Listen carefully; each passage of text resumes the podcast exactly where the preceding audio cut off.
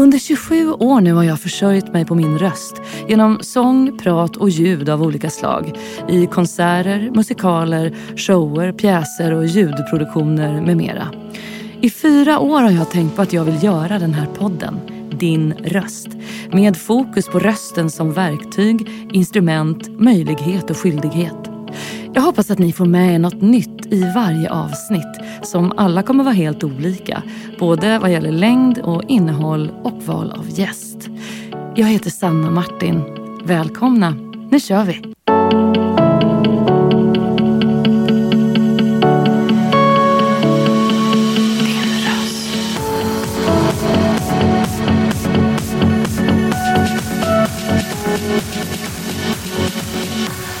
Din röst. Har vi sjungit upp? Jag har inte testat hela mm, registret, nej, nej, nej. men vi ser. Vi har, vi, det ingår lite så här Fermidas Russell också. ja, det får det göra. Extra, Lite extra allt. Varmt välkommen Sissela Nattli till min podd Din röst. Tack! Så himla roligt att ses. Vi, du är faktiskt en av de få gästerna som jag känner lite sen innan. Ja. Eh, Väldigt roligt. Ja, det är inte ofta jag får sitta med någon jag känner heller i podd, så det är jättekul att få vara här med dig. Jag ville göra en podd om hur vi använder våra röster på olika sätt och rösten som kommunikationsredskap eller ansvar men också som makt. Möjlighet och skyldighet eh, och inte minst faktiskt då det är så kort tid till nästa val när vi ska använda våra röster. Vi kollar mobilen hundratals gånger om dagen, bråkar med våra barn om skärmtid och svarar på jobbfrågor så fort det plingar till. När digitala tjänster tävlar om vår tid ställs högre krav än någonsin på hjärnans förmåga att hålla fokus och inte bli distraherad eller bortdribblad i hörn där vi inte mår bra av att vara. Det gäller vuxna och det gäller barn och unga. Det här är ett citat från baksidan från din bok Distraherad som kom 2019. Därefter har du skrivit fler böcker, bland annat tillsammans med andra. Men du är en röst som påminner oss om att inte bli för fartblinda av tiden vi lever i. Är det ett ansvar och ett kall för dig att höja din röst i de här frågorna? Ja, det får man nog säga att, att det är. Um, ja, för det, det, det har jag känt länge. När man börjar forska på saker och särskilt när man tar kanske ett kliv ut ifrån den akademiska världen. Eh, för det, det kan bli lite insnöat i, inom akademin. Men när man kliver ut och märker att, att här behövs det en massa kunskap som, som finns redan, men som inte kommuniceras på ett sätt som går att förstå i alla fall. Då, då känner man, eller då känner i alla fall jag att oj, det här, eh, det här kanske jag måste göra. Ja, för du är hjärnforskare och författare. Eh, vad, vad, hur benämner du själv när någon frågar vad du jobbar med? Eh, ja, men jag säger väl att jag jobbar med vetenskaplig kommunikation på Mm. olika sätt. Eh, men jag är, ja, jag är en blandning numera, så jag passar väl inte in någonstans längre. Eh, jag är två dagar i veckan på Karolinska institutet fortfarande och forskar där i en grupp eh, som jag hör till. Men det är inte så att jag gör en akademisk karriär. Jag eh, siktar inte på att någon gång i mitt liv bli professor till exempel. Nej. Eh, Jag har inte valt den vägen. Okej. Men jag kan heller inte släppa den världen. För att det är så pass intressant att få vara nära data och nära dataanalys. Eh, vara liksom i de sammanhangen där man diskuterar det senaste och eh, tar fram ny kunskap. Så jag vill inte släppa det helt. Eh, Men vad är ni forskare i just nu när du säger att du är på Karolinska institutet två dagar i veckan? Ja, men då eh, hör jag till en grupp som drivs av Lisa Torell. Eh, och hon har mycket fokus på barn med ADHD till exempel och utvecklingspsykologi. Eh, och kognitiv neurovetenskap, då, som är min bakgrund. Vad händer i hjärnan när vi gör olika aktiviteter och vilka förmågor har vi? Och hur ser det ut med koncentrationsförmågan och impulskontrollen till exempel? Eh, kan vi hitta någon, någon plats för det i hjärnan? Några eh, strukturer som är särskilt aktiva när vi jobbar med det och eh, hur hänger de ihop med utveckling och vad vi ägnar oss åt på fritiden till exempel. Ehm, och digitala medier. Så de senaste åren har eh, Lisas grupp och jag då fokuserat mer på digitala medier, sociala medier och spel. Mhm. Och kopplat till barn, barns utveckling. Och de övriga dagarna i veckan, vad Mm. gör du då? Ja. eh, sen är det då det här eh, projektet som du och jag har träffats igenom eh, som heter Det syns inte. Som var en musikal från början. Mm. Och det är ju ett projekt som drivs av den ideella föreningen Arts and Hearts eh, som vi grundade för fem, sex år sedan. Mm. Eh, Ulrika Larsson och, och jag och flera andra som har sett kulturen som ett viktigt verktyg för att påverka och faktiskt höja våra röster då i, i viktiga samhällsfrågor. Mm. Men vad har du för relation till din röst och att eh, höras? Ehm, ja, alltså den har ju förändrats jättemycket över tid förstås. Men, men nu känner jag mig ganska bekväm med att få höras.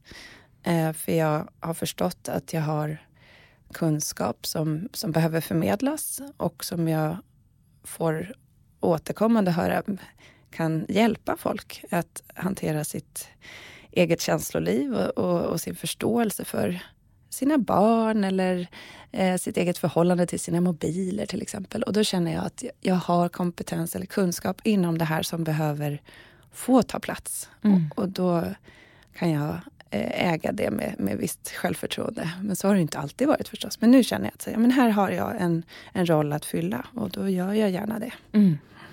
Du talar mycket inför folk i ditt arbete eftersom du föreläser en hel del och har gjort det ett tag. När du var yngre, hur var det då att till exempel hålla föredrag eller presentationer i skolan? Ja, men jag har nog tyckt att det har varit ganska kul eh, hela livet egentligen. För jag har tänkt på det, hur, vilka förutsättningar man får- man får. Men dels är jag lilla syster eh, och har haft det där, den där tryggheten av att ha ett stora syskon. Eh, så att jag har fått vara tramsig och stått och liksom eh, spexat i vardagsrummet hemma och eh, tagit en plats eh, ganska tidigt med att få vara lite, lite teaterapa. Liksom. Eh, och sen fick jag eh, chans att gå på vår teater som det hette på, på vår tid. Mm. Kulturskolan. Och, och då fick jag ju ännu mer testa på. Eh, att eh, improvisera och leka och, och göra det inför folk. Så, Mm. att, eh, eh, så det har varit en, en del som, som jag har fått skolas i sen ganska tidig ålder, tänker jag. Hur var skoltiden för dig när du var barn? Ehm, ja, sen blev det ju att jag gick i Adolf Fredriks musikskola. Så där fick jag ju också använda min röst väldigt Mm. mycket i körsång. Eh, och där var det ju lite mera, där, där är man ju inte en individ, utan där är man en av 30 ofta, eller en av eh, 500 kanske. Precis. Eh, och, och det har jag tänkt på många gånger efteråt. Att sådär, eh, man, man skolas in i att, att verkligen bli eh, intuitivt inlyssnande på andras röster och att försöka smälta in.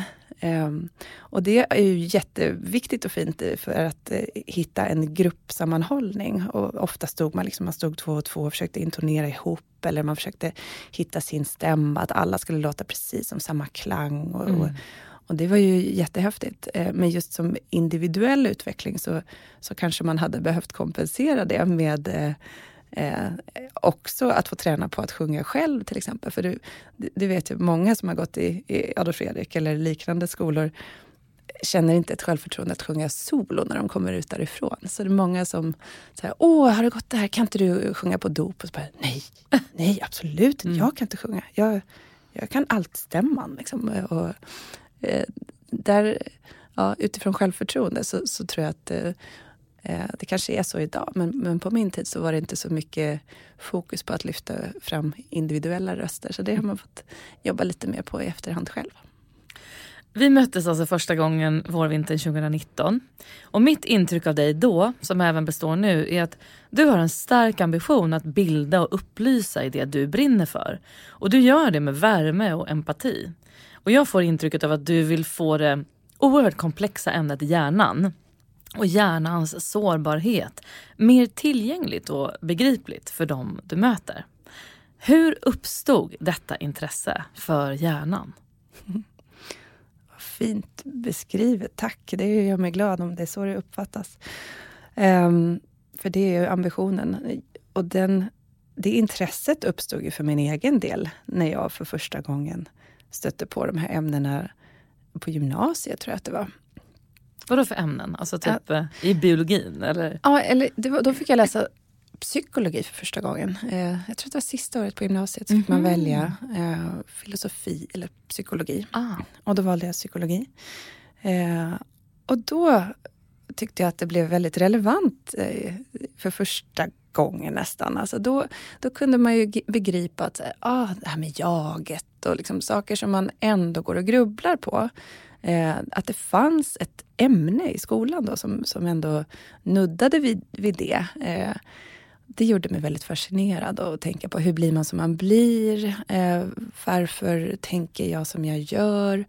Eh, vad är olika former av intelligens? Mitt specialarbete blev faktiskt eh, emotionell intelligens och ja, generell intelligens. Var, finns det och vad är, vad är det? Liksom? Det som man kallar för EQ? Ja, ja precis. Ja, okay.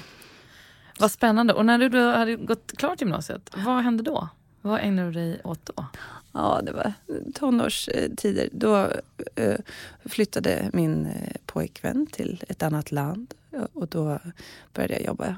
Då tog jag ett sabbatsår och mm. serverade, jobbade på Nalen. Mm. och sen så åkte jag till Tyskland och läste tyska och grejer. Men så småningom insåg att jag ville nog testa lite mer och lära mig mer om kroppen. Och då tog jag det som heter medicinskt basår på Karolinska institutet. Eh, och på hösten där, så den, den, kursen finns idag fortfarande tror jag. Det är en fristående kurs. Den bästa kurs jag någonsin läst, som alla borde läsa. Den heter Människans fysiologi. Mm -hmm. Och då får man lära sig allt om hela kroppen. Och du så passionerad ser du ut. Ja, men... Är det sant? Var, var det liksom en aha-upplevelse för dig? Ja, det var verkligen det. På vilket sätt då? Den kursen jag tror, den drivs nog fortfarande av Carl-Johan Sundberg på Karolinska institutet. Och eh, då fick jag också, igen, samma sak som under gymnasiet. Det här rör ju mig. Det här rör ju varenda människa på hela planeten. Hur kan det ha varit så att jag gått omkring så här långt i mitt liv och inte har vetat hur njurarna fungerar eller, eller hur, hur hjärtats eh, olika kammare slår och eh, hur jag påverkas om jag eh, äter någonting, hur blodsockerkurvorna ser ut, hur hormoncykeln ser ut och hur det påverkar ens mående. Du vet, jag tyckte att allt var superfascinerande. Och allt det här hinner man på ett år? Ja, nej men, ja. Eh, man får i alla fall en överblick eh, i de här olika delarna. Mm. Men det var tufft, men, men väldigt intressant. Så det gjorde att jag fortsatte. Sen tog jag en magister då i biomedicin i Uppsala. Eh, och där hittade jag ju mer tillbaka till det här teaterapalivet också. För att där finns det ju liksom studentscener och eh, sammanhang där man kan få också tramsa och stå på scen mm. och skriva låtar och rimma och, och sjunga i körer och orkestrar och allt möjligt. Mm. Så att eh, även om biomedicin var spännande så var det lite för mycket stå i labb för min smak. Jag tycker ju att det är kul när det blir nära verkligheten, när det blir mm. applicerbart på något sätt som jag förstår. Eh, så att stå och liksom jobba med pipetter i våtlabb, jag respekterar det jättemycket ja. men, men jag behöver lite snabbare till verklighetsupplevelsen. Eh, mm. Och då hittade du in i det här med kognitiv neurovetenskap? Ja.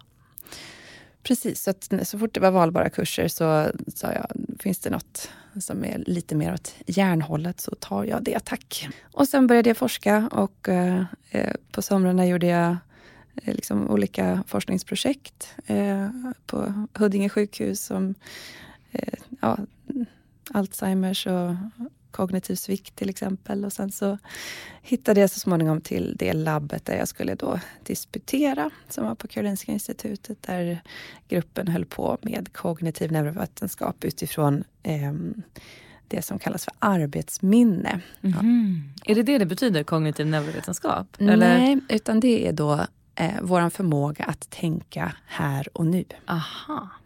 Och det är väldigt begränsat. Och det är det som gör att vi egentligen bara kan göra en sak i taget.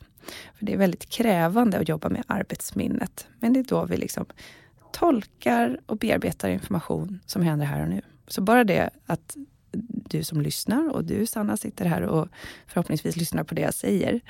Det gör att ni jobbar med den här informationen i arbetsminnet. Mm. Det som vi upprepar många gånger, som vi lyckas lagra, det hamnar i långtidsminnet. Men arbetsminnet är en form av närminne där vi bearbetar information som är viktigt I realtid? Ja, exakt. Okej. Okay. Mm. Det är väldigt mycket prat om hållbarhet idag, generellt tänker jag eh, ofta på. Eh, hur vi själva ska bli hållbara mm. är väl också en liksom, helt egen ö i den debatten. Mm. Och där kommer mycket av det här med arbetsminnet och det du forskar på verkligen väl till pass att, att tänka på. Mm. Vad har du för relation till begreppet hållbarhet utifrån det du arbetar med? Mm. Ja, men då tänker jag just på mänsklig hållbarhet, eh, mental hållbarhet. Eh, och där ser man ju väldigt tydligt att det sättet som vi lever på idag med de eh, samhällsutmaningar och det, det, system som vi har skapat i mångt och mycket. Både hur skolan ser ut, arbetslivet ser ut och, och, och samhället gör att vi är mycket överbelastade i just vår tankeverksamhet. Vi har väldigt lite återhämtning när det kommer till just eh, hjärnan. Och det är ofta vi fyller vårt arbetsminne med väldigt mycket information och växlar mellan väldigt mycket olika information och blir distraherade. Mm.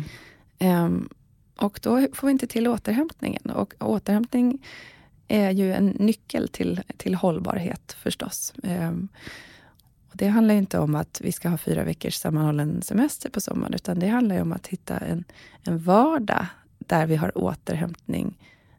Inte heller att vi liksom kollapsar i soffan framför Netflix på, på, på kvällen, utan att vi under dagen också ger oss möjlighet till pauser, till reflektion, att vi får ja, eh, leva på ett sätt som våra hjärnor mår bra av, så att vi inte ligger på en hög stressnivå, en hög belastningsnivå, eh, kognitivt och, och liksom tänker, eh, bearbetar information hela dagarna och sen är helt slut. Den här podden produceras i samarbete med Elgiganten. Elgigantens hjärtefråga grundar sig i att ingen ska hamna utanför. Mer specifikt vill de motverka digitalt utanförskap. En del i Elgigantens arbete för att motverka det här är ett partnerskap med stiftelsen Läxhjälpen. Läxhjälpen stöttar och hjälper elever i utsatta områden att klara av grundskolan och få gymnasiebehörighet. Ett särskilt fokus ligger på läxhjälpens digitala verksamhet. Någonting som möjliggör läxhjälp oavsett var i landet man bor. Brist på uppkoppling, rätt utrustning, teknisk kunskap och tillgång till en ostörd studiemiljö är några av de sakerna Elgiganten vill bidra med att åtgärda genom sitt fördjupade engagemang i läxhjälpen. Vill du veta mer om Elgigantens arbete för att minska det digitala utanförskapet så gå in på elgiganten.se. Men det här med återhämtning tycker jag är svårt. Jag själv är ganska, jag tror jag är ganska dålig på att återhämta mig.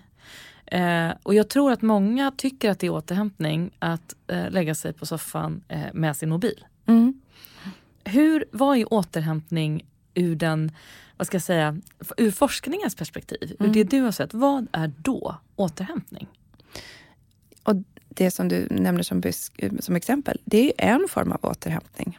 Men det har kanske blivit en den enda formen för många, förutom sömn. Då. Eh, men återhämtning handlar om att låta hela sitt system eh, få möjlighet att gå in i liksom, eh, reparationsmode, vad ska jag säga, eh, och eh, vilotillfällen. Så att saker som behöver ordnas i kroppen faktiskt får möjlighet att, att göra det. Och det sker bara under vissa förutsättningar. Så när vi har hög stressbelastning, då kan vi inte samtidigt reparera våra celler eller städa undan slaggprodukter till exempel, som, som cellerna håller på att producera hela dagarna genom att vara igång. Utan det här sker bara under vissa sömnfaser, när vi sover till exempel. Eller när vi har möjlighet att ha reflektion, till exempel hjärnvila. Eh, meditation eller sådär, då har vi andra områden i hjärnan som är aktiva än när vi aktivt bearbetar information som, vi mm. kommer, som kommer utifrån. Och det gör vi konstant oavsett om vi lyssnar på radio eller en podd eller om vi ser på tv eller sitter med våra mobiler mm. eller läser tidningar. Vi bearbetar konstant. Ja, mm. vi jobbar med arbetsminnet. Eh, och det är väldigt energikrävande. Det är väldigt hårt belastande för hjärnan eh, och vi behöver vila från det också. Eh, så att återhämtning handlar om att systemet, hela kroppen då, vi, vi har liksom två eh, delar av vårt system när det kommer till stress. Det ena heter då det sympatiska nervsystemet som, som dras igång när vi får eh, stresspåslag. Och då är det adrenalin, noradrenalin och på sikt också kortisol som cirkulerar. Eh, och blir det här en stark stresspåslag som sker under lång tid utan återhämtning, då börjar det bli obalans i de här stresssystemen och i de här neurotransmittorerna och hormonerna som, som skapar eh, en nedbrytning till slut av, av, kroppens funktioner. Och det som vi behöver få till då är aktivitet i det parasympatiska nervsystemet.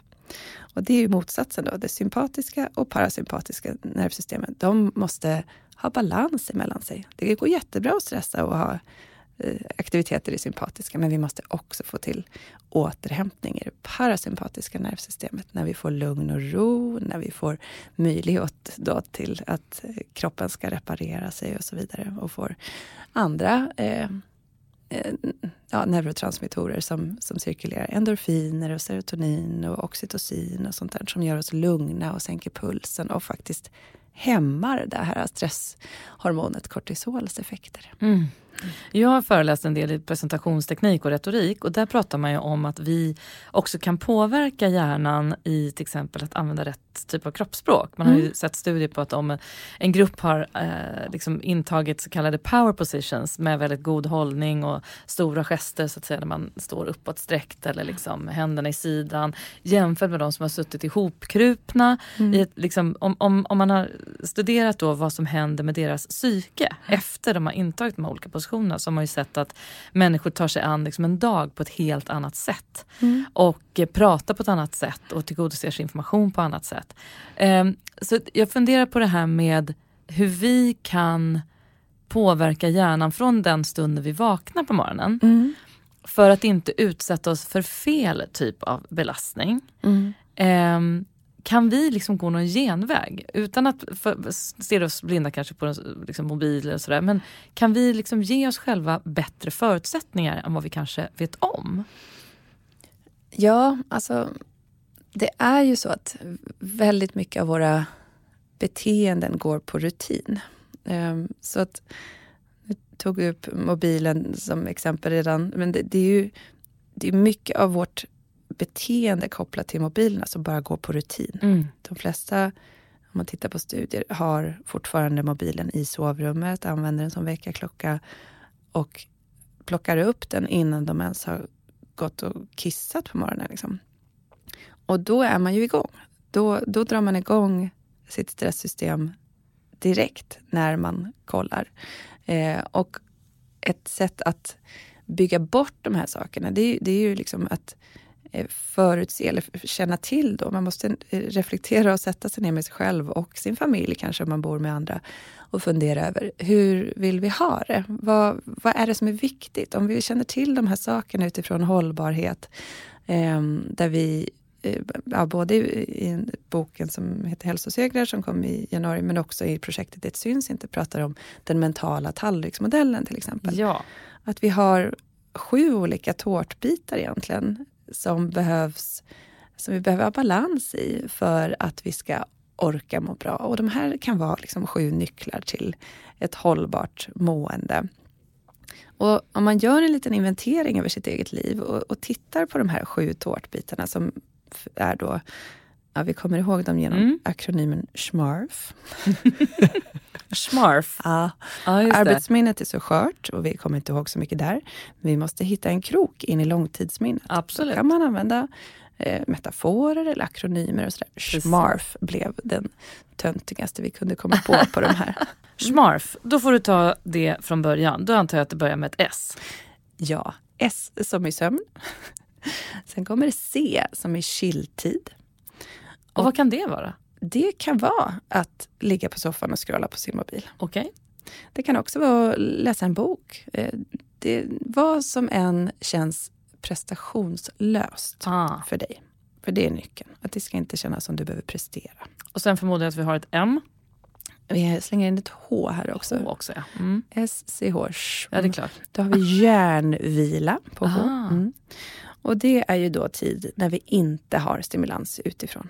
Så Okej. till skillnad från att läsa bok eller scrolla så är det alltså tid när vi inte har underhållning, information, ens samtal utan låter våra egna tankar studsa omkring eller reflekterar inåt. Eh, shm. Nu kommer M, eh, motion. Mm. Det känner vi alla till. De goda effekterna på hela kroppen, inklusive hjärnan. A som i aktiviteter. Och aktiviteter är vad som helst som får dig att känna att det här känns givande, utvecklande, här får jag ha roligt. Nu kommer vi till R, relationer. Såklart jätteviktigt för att vi ska alla känna oss behövda och hörda och sedda. Mm. Och sista är F för fokustid. Ah. Och det återigen knyter an till arbetsminnet och förstå hur, eh, hur lite kapacitet vi har i arbetsminnet och skapa förutsättningar för att vi ska kunna fokusera. Så att vi inte blir de här liksom lätt distraherade eh, personerna som, som inte får någonting gjort. Eh, för det är så man ofta upplever det, som dessutom blir kopplat till stress. Då. Mm. Man kommer inte vidare, man vet inte var man ska börja. Massa olika saker pockar på ens uppmärksamhet. Men att förstå hur, hur lite kapacitet vi har i arbetsminnet och skapa förutsättningar utifrån det så att man kan lyckas. Det är ju också en, en nyckel till att minska stress och känna Ja. att man har kontroll och så vidare. De här sju tårtbitarna bildar tillsammans den mentala tallriksmodellen. Mm. Och det handlar inte om att man ska vara jätteduktig på en av dem och säga ja, men jag är jättebra och går på gymmet. Nej, utan det är, det är ju helheten som är viktig. Att man har eh, någonting i alla de här tårtbitarna som man gör regelbundet. Och jag tänker på det här med utbrändhet. Ehm, om det på något sätt hade... Jag har själv aldrig varit utmattad eller utbränd utifrån den bemärkelsen att jag har vetat om det i alla fall, ska jag tillägga. Eh, men jag tänker, är detta en förutsättning? En bra förutsättning att liksom ha i bakfickan om man känner att man är pressad på sitt arbete. Eller det behöver inte alltid vara arbetsrelaterat att man faktiskt är utmattad. Det kan vara, jag brukar säga det, jag tror aldrig att jag skulle bli det i mitt arbete men jag tror jag skulle kunna bli det av mitt livspussel. Ja. Eh, men är det här en god eh, tanke att ha med sig, den här balansen? Absolut. Och det är ju många som jobbar utifrån den här modellen också Mm. utifrån ett arbetsgivarperspektiv. Eh, att man uppmuntrar och hjälper till att se över hur ser det ut med balansen här egentligen. Eh, och att man uppmuntrar till pauser regelbundet under dagen som sagt. Så att man. Att, att man inte bokar back-to-back möten där det är liksom, och nästa möte går Nej, det. direkt Att allt in, går i ett. Ja. Ehm, att man ska få ta de där fem minuterna och samla sig, eh, resa på sig, röra lite på sig, reflektera kanske och så vidare. Mm. Jag slås ofta av att hjärnan verkar ha ett väldigt selektivt minne och kan fundera på varför minns jag en del från min barndom jättetydligt och varför har jag absolut inget minne av till exempel eh, ja, min första skoldag till exempel. Kommer inte ihåg ett dugg av det. Eh, jag tycker det är så konstigt och det gör ju också en väldigt jobbig grej. Det är ju till exempel det att vi kan inte påverka, vi som föräldrar kan inte påverka vad som blir barndomsminnen hos våra ungar. Vi vet ju inte hur vi liksom rör till det för dem och vad de kommer ihåg för så här urjobbiga stunder istället för de här härliga grejerna vi styr upp. Vad, vad har du liksom för relation till den grejen att så här, hjärnan väljer och väljer bort? Mm. Ja, men det, det där är jättespännande och superfascinerande vad man faktiskt skapar långtidsminnen av. Ja. och det tycks ju vara flera olika saker som är kopplade till det. Det där är inte mitt expertområde, men saker som har en stark emotionell koppling, där det har varit ja, ofta väldigt, eh, alltså, ofta kommer vi ihåg jobbiga saker mera, för att mm. det finns ett överlevnadsvärde rent evolutionärt att komma ihåg saker som har varit farliga, dåliga eller negativa, så att, så att vi ska hålla oss undan från liknande sådana saker i framtiden. Så det finns en obalans i ja, men hur många nervtrådar som går in i våra rädslo och hotstrukturer till exempel, amygdala. Som det finns nervbanor som går från våran pannlob som ska liksom dämpa aktiviteten i, i de här rädslostrukturerna till exempel. Mm. Så vi har i grunden en ganska obalanserad hjärna utifrån att komma ihåg eller skapa minnesbilder utifrån läskiga och farliga saker. Mm. Eh, det är faktiskt fem gånger så många nervtrådar som går in i amygdala till exempel. Så det är bra att känna till, för då kan man ju också kompensera det. Eh, och det är därför det funkar med till exempel sån här tacksamhetsdagbok och sådana saker. Eh, eller att ge fem gånger så många komplimanger som kritik och sådär. Eh, och det, jag vet inte om det bara är en slump att det råkar vara samma eh, ratio. Liksom. Vet, Martin Forsters bok, han är utvecklingspsykolog och har skrivit om föräldraskap. Han har en bok som heter Fem gånger mer kärlek. Aha. Där man ser i forskning på eh, uppfostran och eh, hur barn responderar på, på vuxnas kommunikation. Att man behöver ungefär fem gånger så många positiva eh, saker som negativa saker för mm. att kunna också plocka in de där positiva sakerna och lära sig från det och, och, och ta till sig det. Och jag tycker det var så spännande när jag såg eh, den forskningen, att det råkar vara samma ratio som man vet då från neurobiologiskt håll, att man har fem gånger så många nervtrådar in i hotstrukturerna. Då tänker jag, ja, det kanske är att man måste kompensera den där obalansen genom att säga fem gånger så många positiva saker som när man ska ge kritik. Då. Eh, och tacksamhet dagbok, att rikta sin uppmärksamhet till det som är positivt och bra. Så att man inte fastnar i den där en grejen som var negativ med Nej, den här det dagen. Det där är otroligt. Alltså man får, om man tittar på våran bransch då. Liksom får mm. du hundra personer som säger att en konsert var bra så säger du en ja. som tyckte det var en tråkig låt. Eller liksom. det, ja. det är ju den du minns och en dålig recension kommer ja. du ju alltid ihåg. Exakt. Det är otroligt destruktivt. verkligen. Mm. Och därför måste man då kompensera för det och inte fastna och stirra sig blind på eller ge mer energi till den där negativa saken. För att det, det finns redan en, en liksom bias i det i hjärnan. Du kommer rikta dig till den negativa saken. Och särskilt som vuxen om man har med barn och ungdomar att göra, att hjälpa till, att orientera till det som är positivt. Mm. Så att man också uppmärksammar det. För det är lätt att man bara går förbi det och inte ens tänker på det. Du brinner för skolan och skolfrågan. Berätta, mm. vad är det som får igång dig när vi börjar prata om skolan? Oh. Eh, nej men jag, eftersom jag har forskat på just då, ja, vi har pratat om arbetsminne, men arbetsminne är en av nycklarna till lärande verkligen. Så då har jag också fått eh, ja, men, lära mig och forska mycket om hur lärandet går till. Vilka eh, kognitiva förutsättningar vi har för lärande. Eh, och sen så tittar man då på de läroplaner som ligger idag sedan 2011 och om man mappar det mot, mot det som vi vet om hjärnans utveckling och, och som vi ser i studier, inte bara i, i, de grupper som jag har forskat i, utan det finns väldigt mycket forskning eh, som tittar på barns kognitiva förutsättningar vid olika åldrar. Och då kan man säga att de läroplaner som ligger idag sedan 2011, de mappar väldigt dåligt mot de förutsättningar som finns biologiskt i den mänskliga hjärnan. På vilket sätt då? De läroplaner som ligger idag ställer allt för höga krav allt för tidigt på att vi ska kunna resonera, analysera, förklara orsak och verkan mellan olika saker. Och det här krävs för att få godkänt i alla ämnen från årskurs 6. Mm. Jag är med. Jag har en flicka som är 17 idag och jag kunde ju liksom inte hjälpa henne med matematiken efter femman, absolut inte. Och eh, då är jag varken dum i huvudet eller liksom på något sätt, eh, ja jag vet inte riktigt vad jag vill säga med det. Men, mm.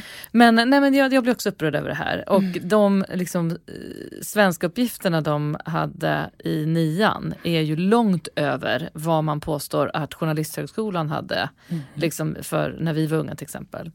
Ja. Eh, på universitetsnivå. Ja. Så vad är det tror du som har hänt? Oh, Eh, det har hänt väldigt mycket ensidiga influenser som har påverkat kunskapssynen. Ju mer jag har satt mig in i det här och ju mer jag har fått insyn i de här frågorna också så är det ju... Jag förstod inte det här bara för några år sedan men det är ju, det är ju Skolverket som skriver läroplanerna. Och de är under eh, regeringen. Då. Så re regeringen tar beslut, det är liksom politiska beslut som, som tas för att eh, Skolverket ska till exempel göra nya planer. Så de, de, beställer nya läroplaner. Men sen är det Skolverket som, som tar in experter så som de vill eh, för att konstruera de här läroplanerna. Eh, och där har det varit en ensidig, skulle jag säga, eh, ett ensidigt inhämtande av kunskap från en del av det som är relevant utifrån det här, nämligen pedagogiken. Det är ju jätteviktigt såklart. Mm.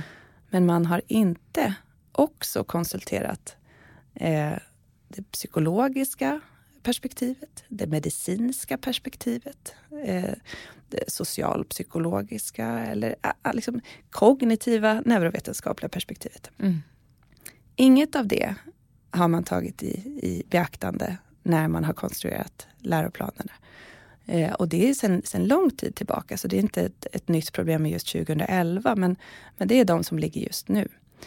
Eh, och den här kritiken har framförts väldigt mycket. Eh, det finns väldigt tydlig forskning som visar att de här läroplanerna inte är möjliga, ens möjliga för alla barn att få godkänt i. Och då pratar man om en jämlik skola, en skola för alla och så vidare.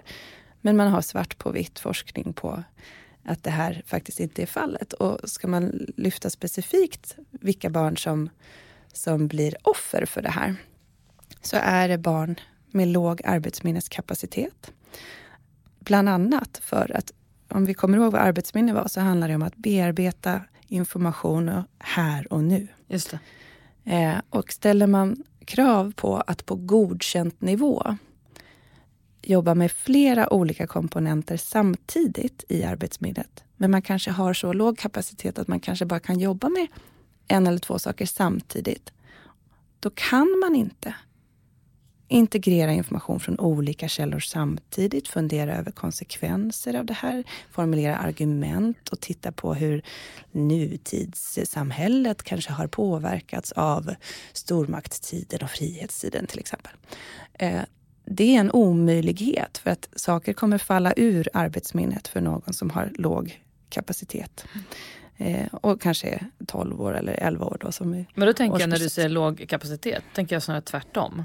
Att det snarare är väldigt få som har den kapaciteten. Ja. Det vill säga att de flesta i en klass på, som är rimligt idag, 28-30, mm. har inte den här möjligheten. Nej, inte vid Rent statistiskt, 11, eller? 12 års ålder. Eh, och det här syns ju svart på vitt när, när man tittar på eh, vilka som inte kommer ur nian med godkänt i grundämnena, i kärnämnena, eh, svenska, matematik och engelska. Tittar man på rikssnittet så är det 14 procent som alltså inte är berättigade att läsa gymnasiet för att de inte har godkänt i kärnämnena. Ja, 14 procent. Då skylls de liksom för att vara dumma på något sätt ja. eller mindre ja, vettigt vetande. Ja, och det, jag, menar, jag blir så förbannad när vi pratar om det här också. Vad sjutton är det här? Det, det, det, de förutsättningar ungarna som klump ges mm. är ju uppenbarligen felkonstruerade för att de ska kunna vara en klump ungar. Mm. Ja, helt klart så. Och det här är ju då rikssnittet 14 procent.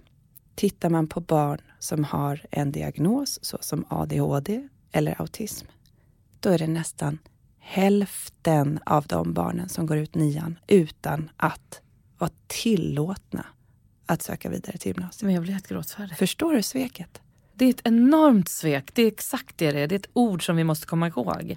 Och när du och dina kollegor belyser det här, Mm.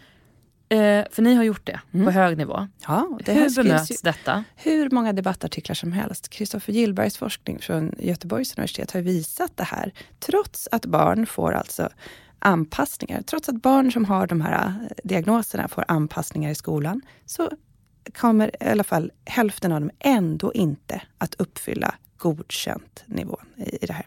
Så det är en felkonstruktion. Det Mm. är ett systemfel. Mm. Och så många barn sitter och kämpar och klandrar sig själva, som du säger. Får en, en, en uppfattning om att det Ja. är något fel på dem. Ja. De duger inte. Ja, det är fruktansvärt. Ja. Eh, och när man lyfter det här till Skolverket så säger de att, eh, ja dels, jag var en av liksom 20 som fick titta på de nya läroplanerna som kommer in nu eh, till hösten, 2022, läroplanerna. Åh, Sanna, jag vet knappt eh, hur, om jag ska liksom säga hur, det- hur det ser ut, för man blir, så, eh, man blir så bedrövad. Jag blev uppringd från Skolverket eh, och blev jätteglad. "Ah, nu ringer det någon från, från läroplansavdelningen och vill prata och, och få in perspektiven från hjärnforskningen. Ja. Åh, yes, tänkte jag.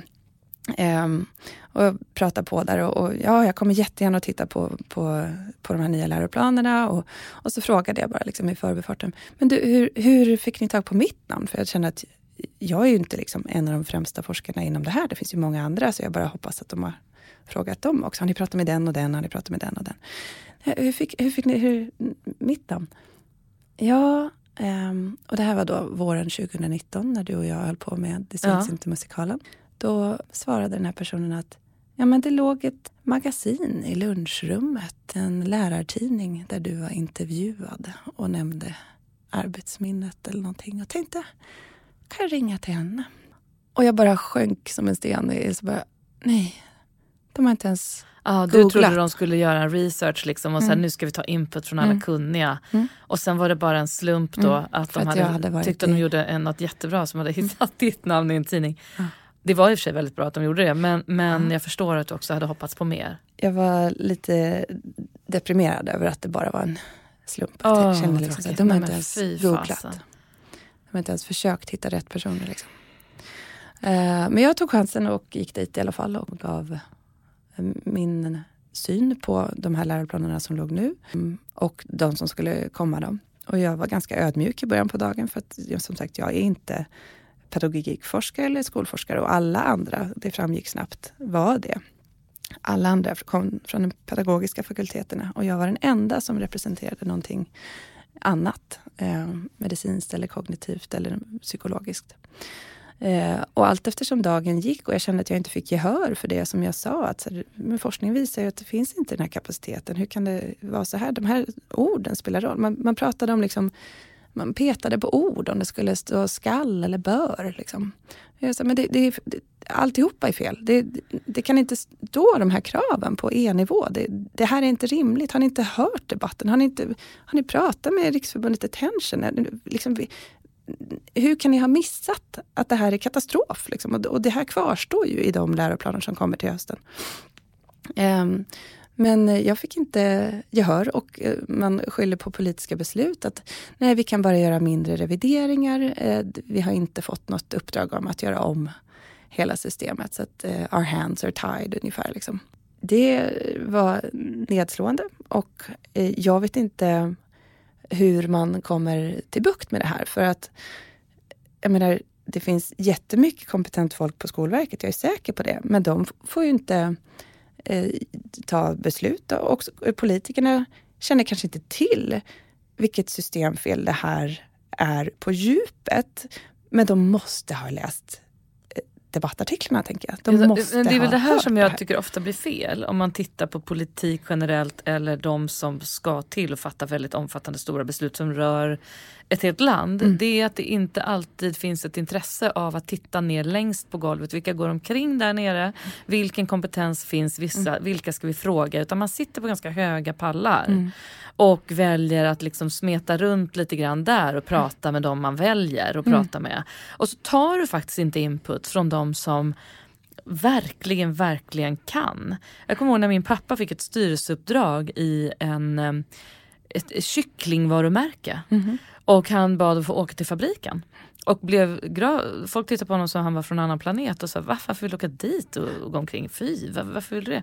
Nej men snälla jag måste ju se vad vi gör. Var liksom hans inställning. Och att den ens var ovanlig, det säger ju en del om hur vi ser på ledarskap och chefskap.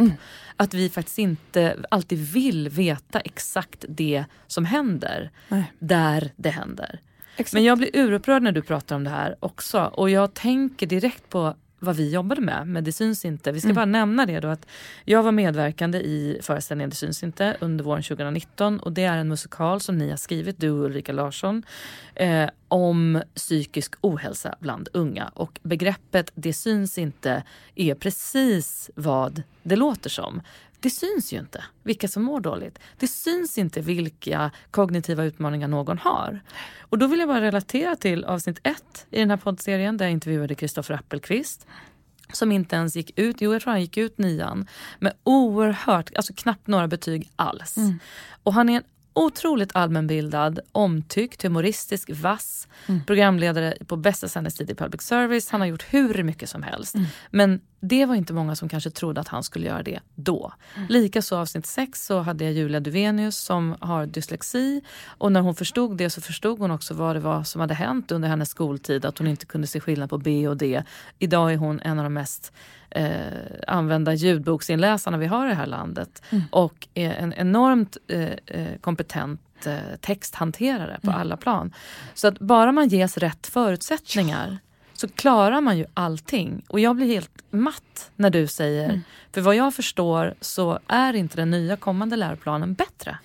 Alltså den är lite bättre. Okej. Jag ska säga det. det Berätta hur. Ja, men där har man försökt trycka lite mer på kunskaperna. Då, för det, alltså, jag gjorde av eh, personligt intresse sen en granskning mellan olika läroplaner. Så jag tittade på liksom Kanadas, jämfört med Finlands, jämförde med Sveriges. Jag blev lite chockad över hur tunn våran är. Eh, och hur fluffig den är. Det, att det, det är väldigt lite konkret. Eh, I Kanada har man ju liksom, bara den i historia var 600 sidor. Och då är det liksom varje item, alltså det, varje rad är så här, man ska kunna exakt det här. Och, man ska, och, och där, för att få godkänt, då börjar man ju med så här, kunna identifiera, benämna, eh, liksom minnas. Sådana typer av verb. Inte resonera, analysera, argumentera. eh, Liksom. Utan det är, kan du lista? Kan du markera ut? Känner du till begreppen? Det är godkänt. Det är rimligt. Och det är rimligt, Mm. precis. Den typen av progression finns inte i våran. Då.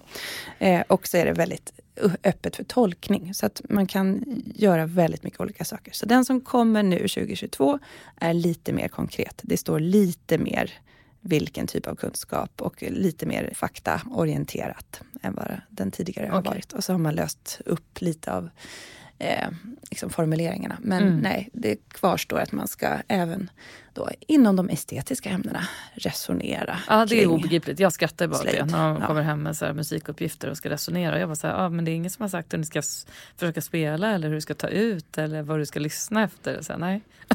nej. men det är, det, är så det är faktiskt förminskande också Mm. eh, gentemot folks kreativitet. Ja. Apropå det ni också arbetar med. Mm. Att det har med varandra att göra. Hur vi tillgodoser oss information. Mm. Där har ju ni gjort ett väldigt fint val med Arts and Hearts. Att ni har valt att vara en, en samhällsdebattör och samhällsaktör som belyser viktiga tunga ämnen som rör många med underhållning, musik och kultur. Mm. Är det så att vi tillgodoser oss information på ett annat sätt när vi får det eh, på det sättet? Mm, absolut. Eh, det är det ju. Kan vi hitta in i att beröra någon annan människa, då har vi ju så mycket gratis. Mm. För att då har vi fångat uppmärksamheten redan. För det är ju det där att tävla med uppmärksamhet och, och att lägga fram en rapport framför någon och säga här, läs den här eh, 20-sidiga rapporten med storlek 12 i Times. Det är inte så vi kommer påverka. Vi kommer inte påverka psykisk hälsa med ytterligare en pamflet. Liksom. Utan vi måste beröra, vi måste skapa motivation, vi måste få igenkänning och känna att det här rör också mig. Ja, spegla oss i något Ja. annat. För det är så människan har lärt sig i alla tider. Vi Ja. lär oss genom att titta på varandra, genom att relatera till varandra och härma. Ja. Och så lär sig bebisar, så lär sig barn och så lär sig vuxna. Mm. Um, så att kan man fånga in det där och göra det dessutom då underhållande så att man får, det har varit vår ambition hela tiden, att kan man få skratta och liksom, ha alla de här härliga hormonerna som eh, gör sitt i kroppen och gör oss mottagliga och avslappnade och öppna. Och sen får man ett budskap som är viktigt. Eh, antingen vetenskaplig förklaring eller ett eh, knep att använda när man är mitt i en panikångestattack. Eller eh, ja, sätter skrattet i halsen för att man plötsligt kände oj, nu blev det en vändning och jag som trodde alla var glada och nu kom den där slag i magen-grejen. Usch, då blev det ännu starkare. Så det där har vi aktivt försökt, jobb, försökt jobba med, både i musikalen som du fantastiskt axlade den här mammarollen i.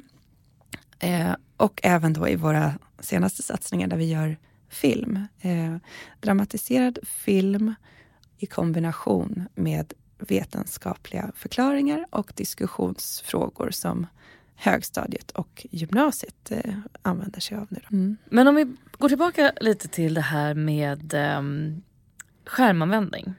Eh, hur förälder är du själv vad gäller skärmanvändning för dina barn och för dig själv? Jag måste börja med att säga att det här är svårt för mig också. Det spelar ingen roll hur mycket man teoretiskt kan om det här. Eh, man kan ändå inte bara bestämma sig för att de här drivkrafterna inte ska gälla. Nej, just det. Så det här är extremt starka drivkrafter som har en evolutionär historia som är extremt lång, ungefär 150 miljoner år. Mm det i kombination med hur vår digitala teknik är designad gör att det här blir extremt starka drivkrafter. Och då, de saker som vi har svårt att slita oss från, det är ju oftast inte vår liksom, bankapp eller SMHI-appen. Liksom. Det är inte där vi lägger all vår tid. Utan det är ju de här apparna som har en affärsmodell som bygger på att vi ska lägga mycket tid. Det är ofta sociala medier och spel. Och de är uppbyggda, de är designade med de här drivkrafterna i åtanke. Att skapa nyfikenhet, ge oss belöningar eller trigga vår rädsla. Rädsla att missa saker, rädsla att hamna utanför. Eller ja, men även nyhetsbevakning. Eh, Sådana saker gör ju att vi triggar igång en mm. oro och måste hålla oss ajour med vad händer nu då? Har jag missat någonting nu? Så att det är svårt för mig också. Jag kan inte heller bara bestämma mig för att det här inte ska vara, gälla mig. Och då måste man, som vi var inne på från början, inventera läget mm. och se vad, vill, vad är viktigt?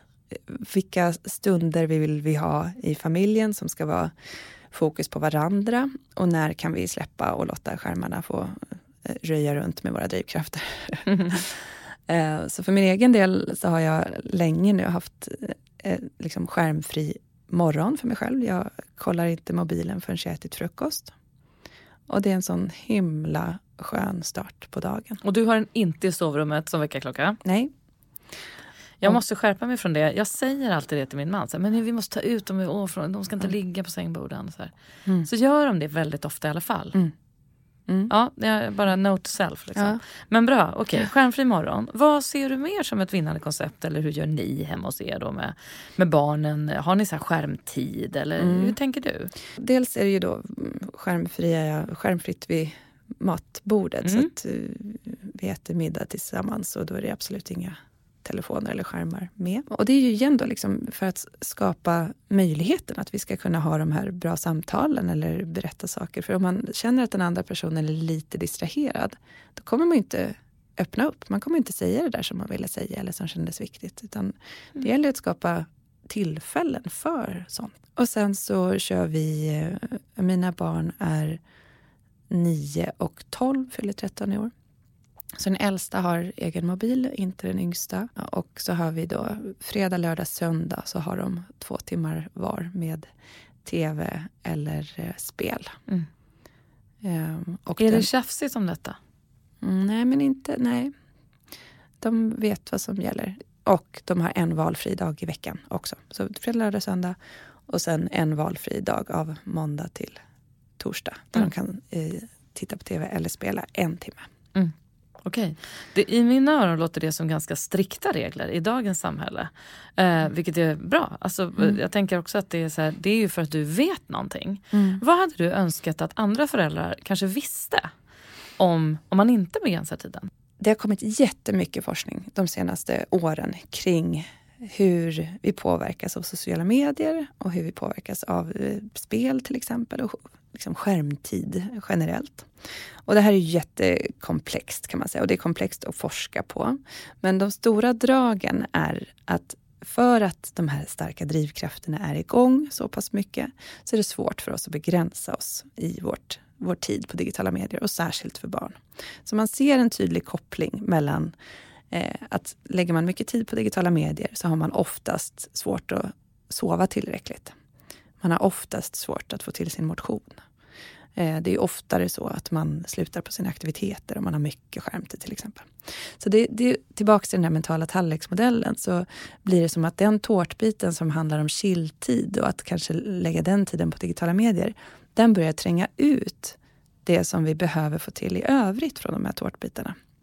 Och då pratar man om indirekta effekter. Mm. Att tiden på digitala medier går ut över våra andra skyddande faktorer. Ah. Och det gör att det finns en koppling till psykisk ohälsa. Ja. Sen har vi då vad vi gör på skärmen. Det är ju förstås också jätteviktigt. Och det är en direkt effekt. Så om vi har ett sociala medieflöde med eh, massa orealistiska skönhetsideal eller om vi har hamnat i någon situation där vi blir hotade eller någon som trakasserar oss eller skickar sexuella bilder eller hotar oss om att sprida våra bilder. Så här, då är det väldigt tydligt kopplat till psykisk ohälsa och Mm. ett sämre mående förstås. Eller att bli mobbad till exempel. Ehm, så att det spelar förstås roll vad man gör, vad man interagerar med för information eh, också. Så att till föräldrar så skulle... Ja, det kom en studie nu bara för några veckor sedan som visar att det dessutom finns en känslig period som visar att sociala medier är liksom extra potent eh, i sina negativa effekter för tjejer mellan, ja, eh, för mig att det var 11 till 13 års ålder och för pojkar något senare 14-15 års ålder. Och att tjejer blir extra negativt påverkade av sociala medier jämfört med pojkar. Sen kommer en till sån fas där båda könen blir extra negativt på, påverkade vid 19 års ålder. Eh, och det tror man att då är man i en förändringsfas. Då börjar man titta jättemycket på andra människor, jämföra sig. Och vad gör de och varför är de så lyckade och inte jag? Och vad ska jag göra med mitt liv och allt det här. Men vi är ju väldigt socialt känsliga i den här tonårsperioden generellt. Och jämför oss mycket och vi vill hitta vårt sammanhang. Vi vill känna att vi är med och att vi duger.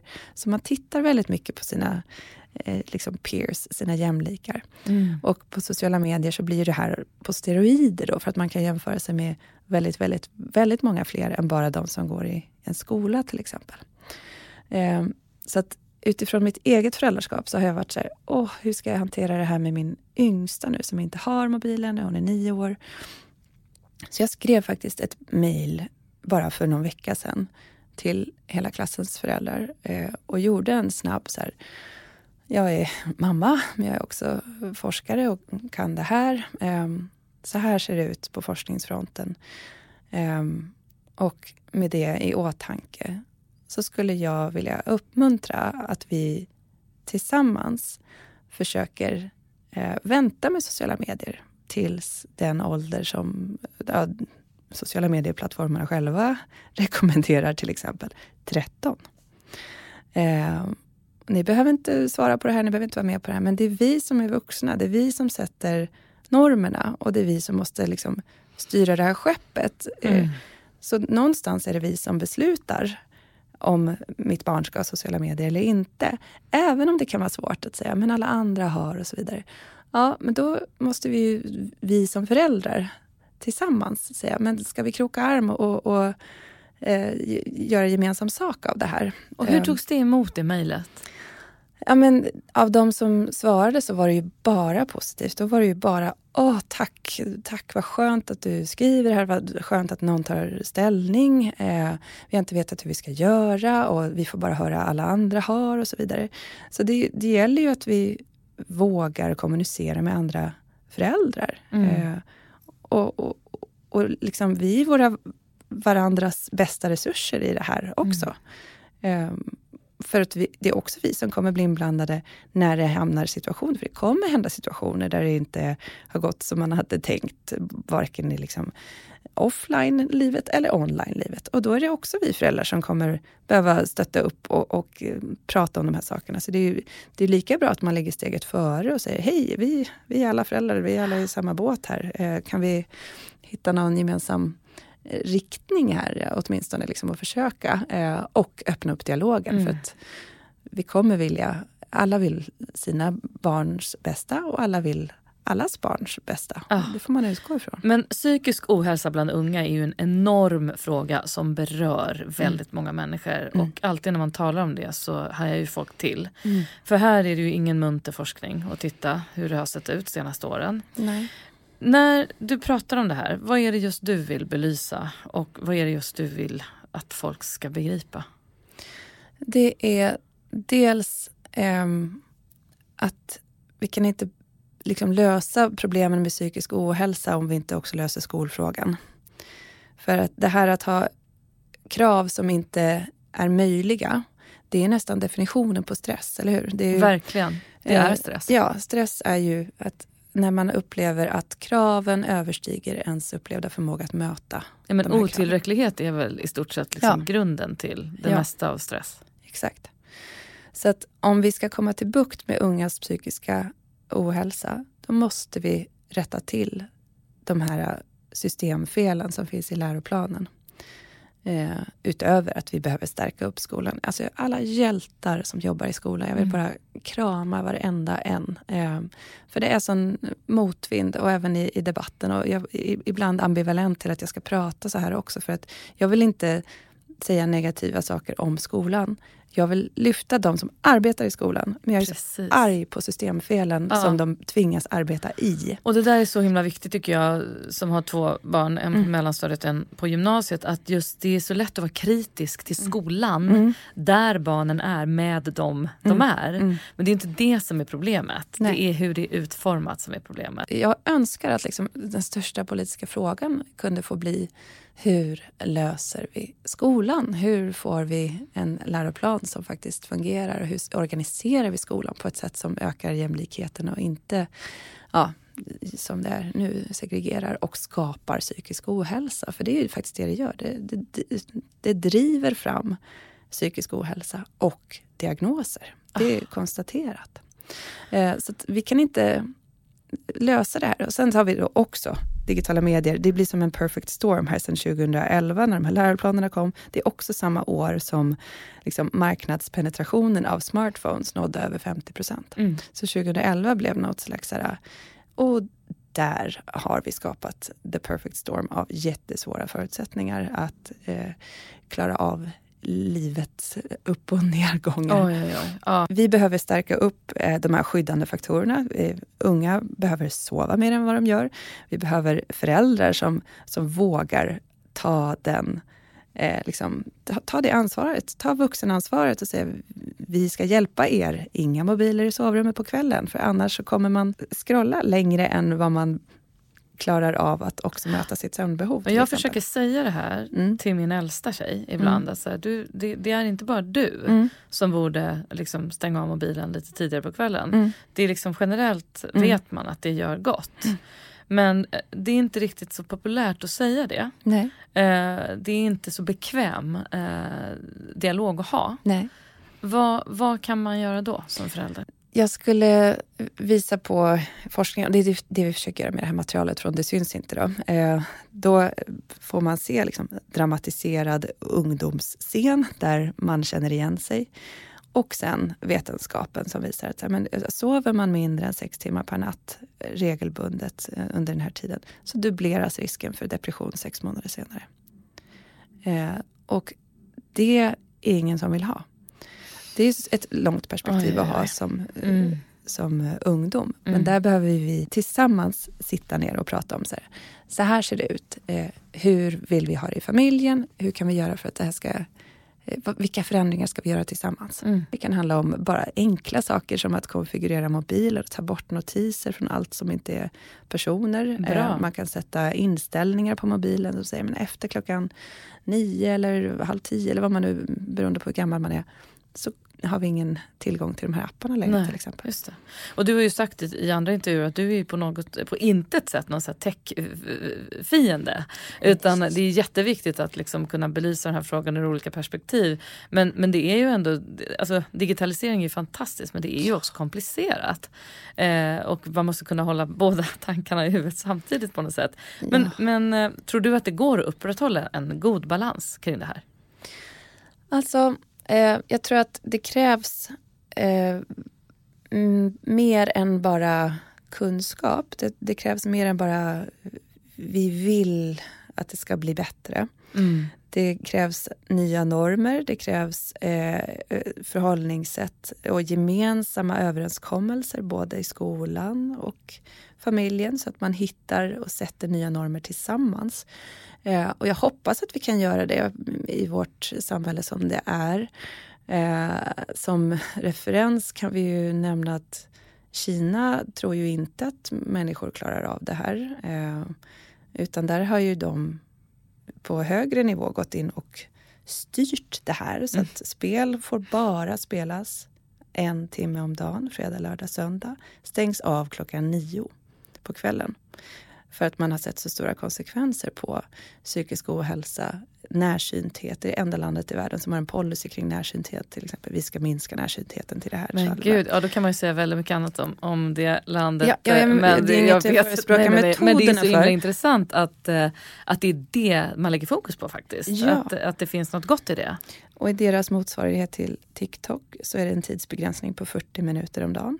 Sen, det fungerar alltså inte efter 40 just minuter. Det, så de tror ju inte på att människan klarar av det här utan de har liksom bestämt sig för att hjälpa människan att hitta den här balansen Just genom att det. inte tillåta mer än 40 mm. minuter om dagen. Men det var ju kul att säga något positivt om Kina för en gångs skull. ja, om vi ska säga ja. så. Men, ja, liksom, nej, men jag fattar vad ja, du menar. Ja. Jag tycker att det är intressant att de har gjort det. Absolut. Det är ju eh, riksdagsval i, i, mindre, det är mindre än fyra och en halv månad dit va? Om jag inte säger fel nu. Mm. Ja det är i alla fall mindre än fem månader dit. Eh, och vad gör ett val med dig Sissela? Alltså nu har jag ju liksom de senaste åren blivit mer och mer engagerad i frågor som är liksom på samhällsnivå. Mm.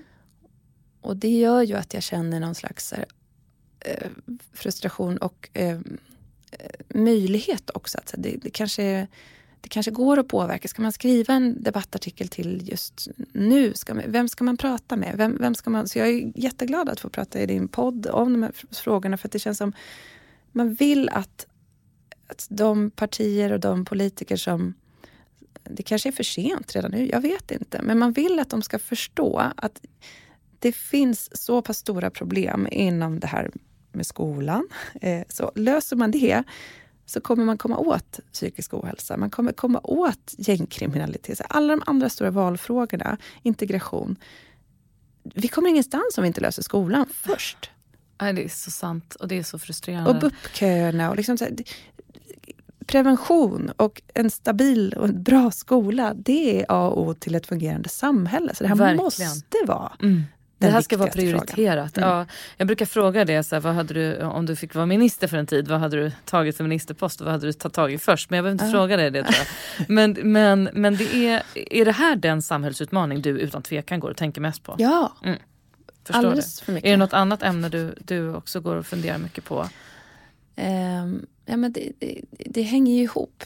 Uh, men det, det blir ju då liksom hur, hur strukturerar man samhället på ett sätt som blir hållbart. Mm. Och, och, även eh, vård förstås. Då. Och, och för vi pratar ju mycket om prevention och var ska barn och unga få en sammanhållen vård. Ja. Och, och, det har vi inte. Då. Det är så mycket som faller mellan stolarna. Det är så många som stångar sig liksom blodiga för att komma till eh, rätt typ av vård och särskilt inom psykisk ohälsa. Mm. Eh, de, liksom, många av eh, BUP-mottagningarna och första hjälpen har ju tagit bort telefonnumren från sina hemsidor för att de blir nedringda.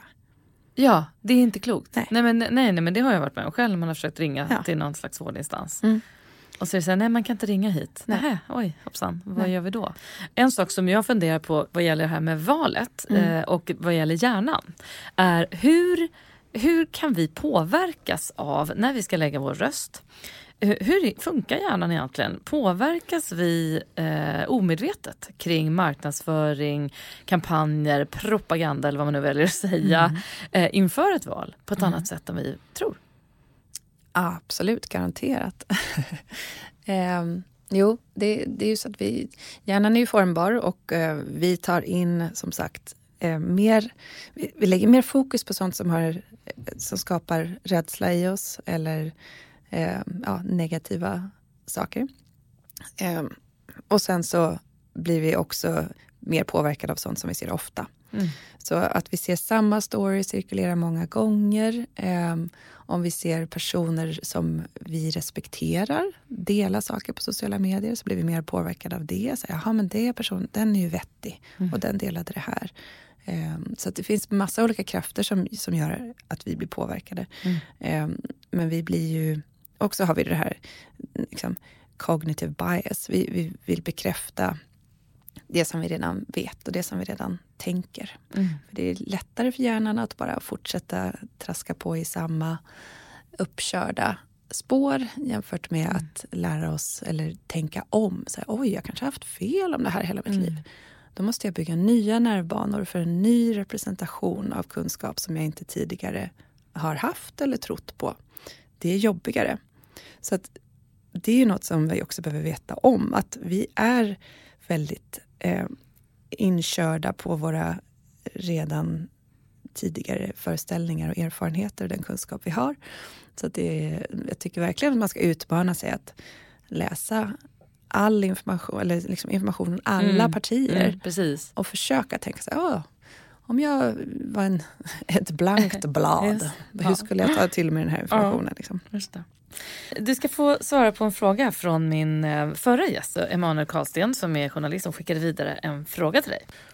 Ja, men när det handlar om de sakerna med sociala medier och sånt så är det ju väldigt spännande för det finns en sån infekterad debatt här där det känns ofta läkare eller forskare inom hjärnområdet, man är så begränsad på, på en, en, liten, en liten del att man glömmer helheten på, på det stora hela. Så man sitter, här är det någonting som har hänt de senaste eh, åren och så kanske man missar de olika positiva effekterna eller sammanhanget det handlar om eller hur samhället har förändrats eller vad det nu kan vara för någonting.